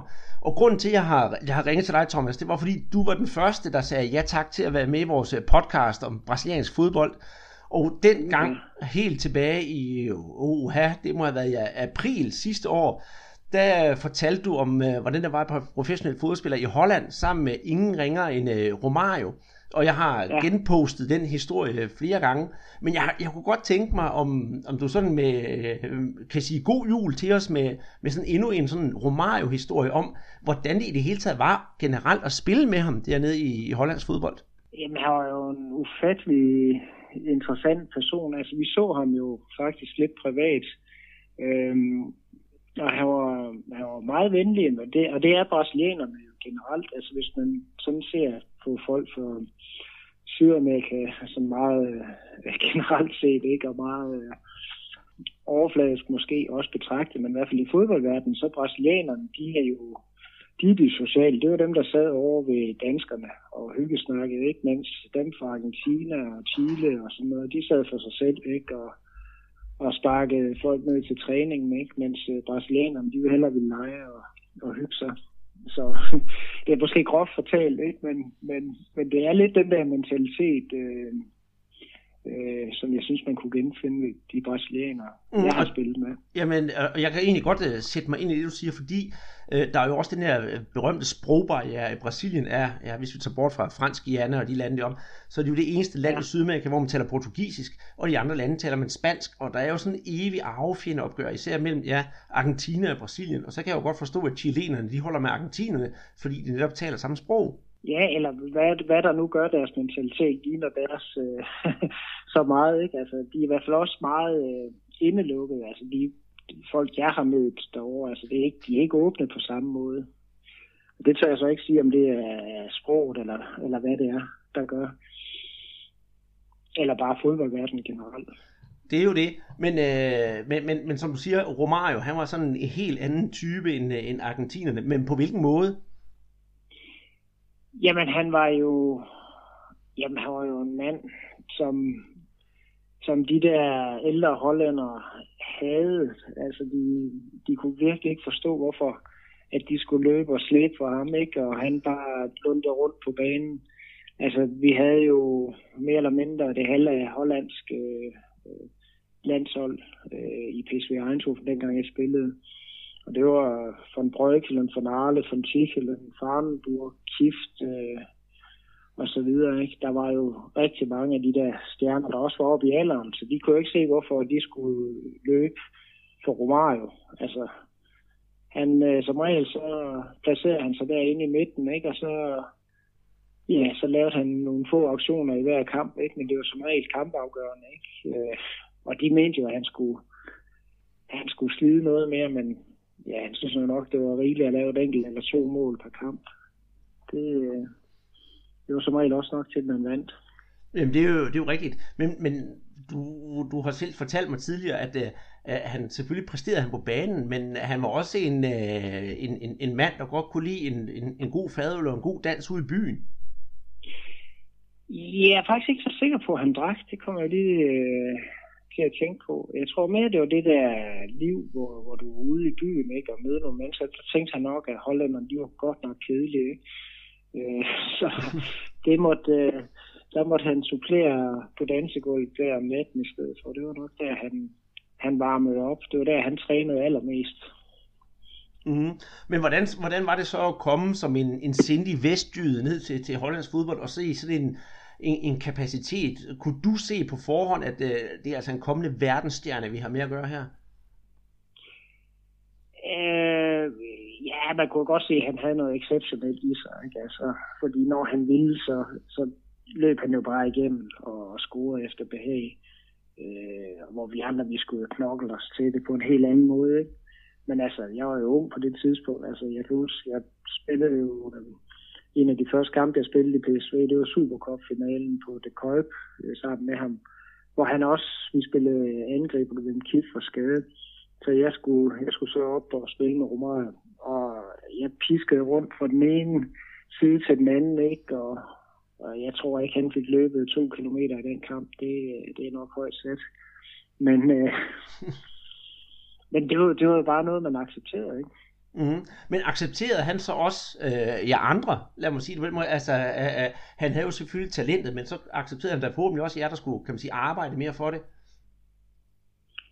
Øh, ja, jeg tror ikke, han tænkte så meget over det. Altså, men jeg tror, altså, det, det der, der, der der viste hans kvaliteter ikke på allerhøjeste plan, det var jo, da han kom til Barcelona og begyndte at spille med Michael Laudrup, hvor man så, altså, hvordan han kunne bevæge sig, ikke? hvordan han kunne tænke fodbold, han kunne løbe i de rigtige huller, ikke? og så havde han jo en spiller, eller flere spillere, der kunne ramme ham ikke? på et helt andet plan. Jeg tror bare, han var træt af os jo, fordi vi var sikkert ordinære fodboldspillere, ikke? Mm. Men øh, det, det, det, det kunne jeg måske godt forestille for den gang, der blev han også betragtet, i hvert fald også nede, nede i Brasilien, som værende mange synes, han var en lille smule arrogant, men øh, det har han faktisk fået skubbet af sig med, med, med alderen. Og så tænker ja. jeg her til, til, til sidst, inden vi siger god jul til hinanden, Thomas, øh, til os, til dem, der ikke har hørt den gode gamle historie om dengang, du blev inviteret til Rio, skal vi ikke lige have den igen? Jo, altså, jeg lavede måske den største fejl i mit liv, øh, men det kan man jo først se bagefter. Øh, jeg blev inviteret til Copacabana sammen med Romario og alle de unge spillere i PSV Eindhoven. Og så gik jeg hjem og sagde det til min kæreste, øh, som var taget med fra Vejle til, øh, til Holland. Og vi var jo ikke specielt gamle, de der 19 år. Så hun synes ikke rigtigt, det var nogen god idé. Så den melding, jeg fik, det var, at jamen, du skulle bare tage afsted. Men så var hun der ikke, når jeg kom tilbage igen. Så jeg tror, vi tog en stille og rolig ferie i, øh, i det jyske, ude i sommerhus i stedet for. Men øh, ja, sådan er der jo så meget. Ja, og hvem tænker på, at man er på ferie i Rio eller Ribe? Ja, der kan ikke være meget forskel. Nej, det tror jeg ikke. Men du må have øh, din tur til Rio til gode, for jeg har jo været nu nogle gange, og jeg kan fortælle dig, at sådan en øh, sommerdag i, i Rio og på Copacabana, den er i hvert fald ikke at kæmpe af. Men øh, tusind tak, fordi du var med, og kan du have en rigtig god jul med dig og din familie, Thomas? I lige måde. Som vi nok gættede, var det ingen ringer end Thomas Thorninger, også kaldet den smilende dræber, som jeg snakkede med. Thomas er stadigvæk aktiv på banen, men det er der på Old Boys landsholdet, hvor han spiller sammen med blandt andet Lars Jakobsen og Thomas Graversen. Den sidste gæst i vores julespecial finder vi i en lille by, Maranguapi, lidt uden for den store millionby Fortaleza i det nordøstlige Brasilien. Og hvis jeg skal præsentere ham på samme måde som Torninger, vil jeg gøre det med en flok OB'er, der med garanti aldrig vil glemme den charmerende brasilianer, som afgjorde pokalfinalen i år 2007. Pechara, pechara, pechara, pechara.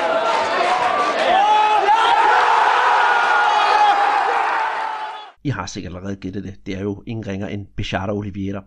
Og inden jeg går i gang med at snakke med Bechata, skal jeg fortælle jer, at Bechatas engelske ikke er fremragende, og dansk, det taler han slet ikke. Så hele samtalen er foregået portugisisk, så jeg vil løbende oversætte, hvad det er, Bechata han siger. Velkommen igen til vores podcast, Bechata. Det er jo et stykke tid siden, vi har snakket sammen, og jeg bliver nødt til at spørge dig herop til jul, og glæde jul for øvrigt. Tænker du stadigvæk lidt på Danmark? Pois é, novamente um... Ja, selvfølgelig det er jo noget, jeg altid med glæde tænker tilbage på, fordi Danmark har jo haft et uh, positiv indvirkning på mit liv, med. Masser af gode ting og rigtig, rigtig mange gode venskaber. Og her under julen, så tænker jeg på den tid, jeg var her, og den tid, jeg boede her for, ja, en, en de 10 år siden. Og jeg husker tilbage på det med masser af gode øh, minder og gode historier. Og specielt på den her årsid med alle det der sne og hvor frygteligt koldt der er, og hvordan hele byer, de er rigtig julepyntet. Ja, og julen hos dig, den må jo også være meget, meget speciel i forhold til vores. Hos dig i Fortaleza, der er der jo sol, og det er jo grillaftener, og man går i shorts, og man går på stranden. Det er jo meget, meget forskelligt i forhold til, hvad vi har herhjemme. Pois é, esse, esse, a diferença do clima, né? Que é muito frio, que escurece praticamente às duas da tarde, que chove, que tem neve. E aqui não, aqui, aqui é o ano todo com solzão de 30 graus, 33, com a praia, com a água quentinha, com o futebol, com os amigos visitando, com o churrasco, o papo de futebol, de politik. Hvor snakken går på ja, politik og fodbold og undervisning og udvikling. Og det er jo ikke nødvendigvis altid om, om fodbold, men det er sådan, hvordan det er i dagligdagen. Og vi reflekterer lidt over ja, livet, og hvordan det er i forskellige lande. Og der er måske forskel lidt, for jeres land er jo rigtig, rigtig koldt, og for os det er rigtig, rigtig varmt, så det er jo to diametrale modsætninger. Det lyder som om, der er simpelthen så rigtig dejligt oppe i Nordøst-Brasilien. Øh, og jeg har jo selv været der med charter, så jeg, så jeg ved godt, hvad du taler om. Men jeg kunne godt tænke mig at høre, om du til vores øh, lyttere har en speciel øh, historie her op til jul, om øh, dit liv som fodboldspiller, ja, om det er i, øh, i Brasilien eller i UB, som du har lyst til at fortælle en historie om. Jo, selvfølgelig har det. Øh, ja, øh, i december måned, det er jo altid sådan en epoke, hvor det er meget med ferie og jul. Og jeg gjorde mig klar til at købe nogle gaver med hjem, om det skulle være et par fodboldstøvler, en fodboldtrøje, nogle shorts, et eller andet med OB, for at give folkene her hjemme i, i, i Brasilien. Og jeg lagde stor ære og ansvar i at tage de her ting med til, til Brasilien. Og det gav en fantastisk lykke. Og øh, når man ser, hvordan det er bare at give folk en gave, om den er lille eller stor, eller det er bare en souvenir, så bliver det altid modtaget positivt. Jeg har venner den dag i dag, som har spillertrøjer fra OB, shorts, nøgleringe, kuglepinde, sågar bolde, og som de har gemt på lige siden dengang jeg spillede i OB. Så når det kom til december måned, så købte jeg alle mine ting, og så samlede jeg selvfølgelig også alle mulige sko sammen, for eksempel, som uh, ingen brugte i klubben, og tog dem med til Brasilien. Og det var hele måske to kufferter, jeg tog med, for vi skal huske, at december det er også en måned for gudgørenhed. Ikke kun i Danmark, men i hele verden. Så det benyttede jeg mig også af. Så jeg pakkede jo alle mine ting, og alle de ting, jeg havde med til Brasilien, så tog jeg ud i de fattige egne og gav sko og tøj og så videre til alle de fattige mennesker, som ikke har råd til selv at have sko, hvilket giver en lykke, der er større, end man overhovedet kan forvente. Ja, det må jeg nok sige. Det er en enorm flot gestus. Men Bechata, jeg bliver nødt til at spørge dig. Så dengang, når du kom hjem til Fortaleza og havde alle de der ting med, øh, kunne man så se folk, som du kendte, rende rundt til daglig i blå og hvidstribede OB-trøjer og så repræsentere Fyns fodbold på den bedste måde? Exatamente, ainda hoje. Lige præcis. Stadigvæk den dag i dag er der folk, der render rundt i uh, UB-trøjer, er stolte over det, og sågar sender selfies til mig, hvor de ifører deres uh, UB-tøj. Og folk lever med i historien om, om mig. Og dem her i staten ser der og Fortaleza, som, som kender til det, de kender udmærket til uh, UB Odense. Odense er um clube já que og Odense OB, det er faktisk en, en klub, som mange kender. Fordi jeg har selv arbejdet som tv-kommentator på en stor tv-kanal. Det der heroppe svarer til, ja for eksempel DR1. Og det igennem har jeg jo fortalt om OB og Odense og Danmark selvfølgelig. De har været klar over den historie, jeg har haft med, med Danmark, og det synes jeg bare er helt i orden. Og jeg kunne rejse væk fra, at jeg ser der og få så stor succes i uh, Danmark med de store sejre, jeg har fået med, med OB. Det er noget, jeg synes, det er simpelthen så fantastisk. Og jeg føler virkelig, at det var sådan mi- en god moral og mission completed i, i, i Danmark. Og jeg føler mig stadigvæk som en del af OB. Jamen, det er dejligt at høre. Kan man uh, sådan sidestille lidt og sige, det er jo næsten en rigtig H.C. Andersen-historie, selvom det måske er en, lidt af en floskel. Jo, det, det kan man godt, og jeg har faktisk en rigtig god historie, og morsom historie fra første gang, jeg kom til et, uh, mit første pressemøde i uh, OB, og heller ikke dengang snakkede jeg synderligt godt engelsk. Og efter jeg havde snakket lidt, så begyndte journalisterne selvfølgelig at spørge, tal om dig selv, tal om dig selv, hvilket jeg egentlig ikke synes var, var, var synligt nødvendigt. Men jeg fortalte dem, at jeg kunne godt lide at skyde frispark, og øh, følte selv, at jeg var en okay frisparkskytte. Og det så spurgte de, hvad er din drøm? Ja, og det, til det spørgsmål svarede jeg, jamen jeg er kommet for at være mester. Og da jeg sagde det, begyndte alle i pressekonferencen at grine, og jeg troede, jeg havde sagt noget forkert. Og senere fandt jeg ud af, at det var ni år før siden, at øh, OB havde vundet et mesterskab. Men det viste sig jo at, at være en sand, på, en sand påstand, og det er det, man skal huske, som man siger, at Gud glemmer jo aldrig sine børn. Og det endte jo selvfølgelig med, at øh, jeg holdt jo, jeg lovede og skaffede jo et øh, pokalmesterskab til OB. Det må man bestemt sige, du gjorde. Og jeg ved, at den dag i dag, at der stadigvæk er nogen, der har bechartertrøjer og stadigvæk husker dig fra den gang. Og jeg bliver altså nødt til at spørge dig her på falderæbet her til sidst. Øh, selvom mange i OB, til de fleste i OB kender dig, så er det måske ikke sikkert, at de ved, hvorfor du spiller med nummer 8. Og det kunne jeg også godt tænke mig at vide, for du har altid spillet med nummer 8. Hvorfor lige det? Ja, det er rigtigt. Det er bare et nummer, jeg rigtig godt kan lide, og altid har identificeret mig selv med. Da jeg var ung, så spillede jeg faktisk med nummer 10, men nummer 8, det er bare et godt nummer. Sådan, ja, det føler jeg mig godt til rette i. Det er et lige nummer, og det giver sådan god mening at spille med det. Jeg har så også et fodboldakademi, der hedder B8, men det kommer altså tilbage helt fra da jeg var lille, og helt fra jeg skole, og hele vejen min fodboldopdragelse igennem, der har jeg spillet med nummer 8. Og på den måde, jeg synes, jeg spiller fodbold på, passer det rigtig godt med et 8-tal. Dejligt at høre, Bechata, så blev vi så klogere. Og med det vil jeg ønske dig en rigtig, rigtig glædelig jul i det nordøstbrasilianske, og jeg håber, du har lyst til at være med i vores podcast igen en anden gang. Mange tak skal du have, og kan du give et stort krammer til alle danskere, ja i OB, ja i hele landet, og jeg er simpelthen så stolt over at kunne kende Danmark, og har lært Danmark at kende, og jeg holder rigtig meget af landet, og er virkelig glad for det privilegie, det er at have boet i Danmark. Ja, et fantastisk land, som jeg har lært at elske, og jeg er ovenud. Jeg er rigtig virkelig lykkelig over, at uh, Danmark skal med til VM i fodbold i 2018, og jeg så kampene mod Irland, og jeg blev bare så glad. Nu har jeg jo snakket med Becharter nogle gange, både i privat øje med og her i podcasten, og jeg må sige, at jeg bliver lige imponeret hver gang, at han ikke glemmer, hvor han kommer fra, og han har den utrolig ydmyg indstilling til fodbolden og sin egen person. Det kan man jo kun holde af, og jeg håber, at han vil vende tilbage til OB, selvfølgelig ikke for at spille fodbold, men for at besøge byen, og når han gør, skal jeg nok love, at vi på Brasserbonden skal være til stede og få en uh, snak og nogle billeder af Becharter i Danmark igen. Som tidligere sagt var Becharter vores sidste gæst. Vi er jo ikke færdige nu, for trods alt en Romario-snak, der har været, for det har været det gennemgående tema hos mange af vores gæster, hvilket både Peter og jeg her på Brasserpodden synes har været rigtig interessant, så skal vi altså slutte af med en quiz. Og øh, quizzen går i sin enkelhed ud på, at vi her på Brasserpodden har fået en øh, Corinthians trøje størrelse XL. Vi har altså kun den ene, og den vil vi gerne udløje sammen med hele 60 flasker halvliters Guaraná, som vi har fået af Guaraná Arctica. Så det er jo lidt af en bonusjulegave, vi sætter på spil her. Og øh, spørgsmålet er faktisk så simpelt. Vi vil bare gerne have at vide, hvem var det, der scorede sejrsmålet mod Chelsea, dengang Corinthians vandt VM for klubhold. Jeg kan hjælpe lidt på vej og sige, at øh, på nuværende tidspunkt, der spiller han i Flamingo, men er karantænedømt. Han har tidligere gjort karriere i henholdsvis Bayern München og Hamburger Sportsverein, og hvis Danmark er meget uheldig, risikerer de at løbe ind i ham til det kommende VM i fodbold til sommer. Så god fornøjelse derude, og jeg skal sige, at man skal være velkommen til at skrive til os med svaret inde på brasserbold.dk.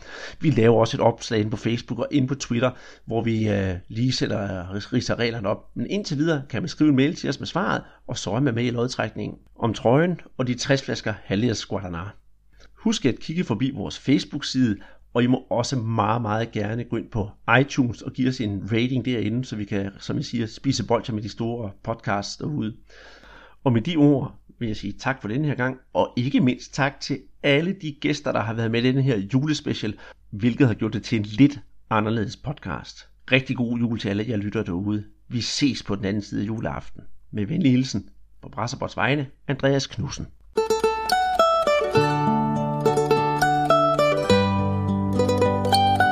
Música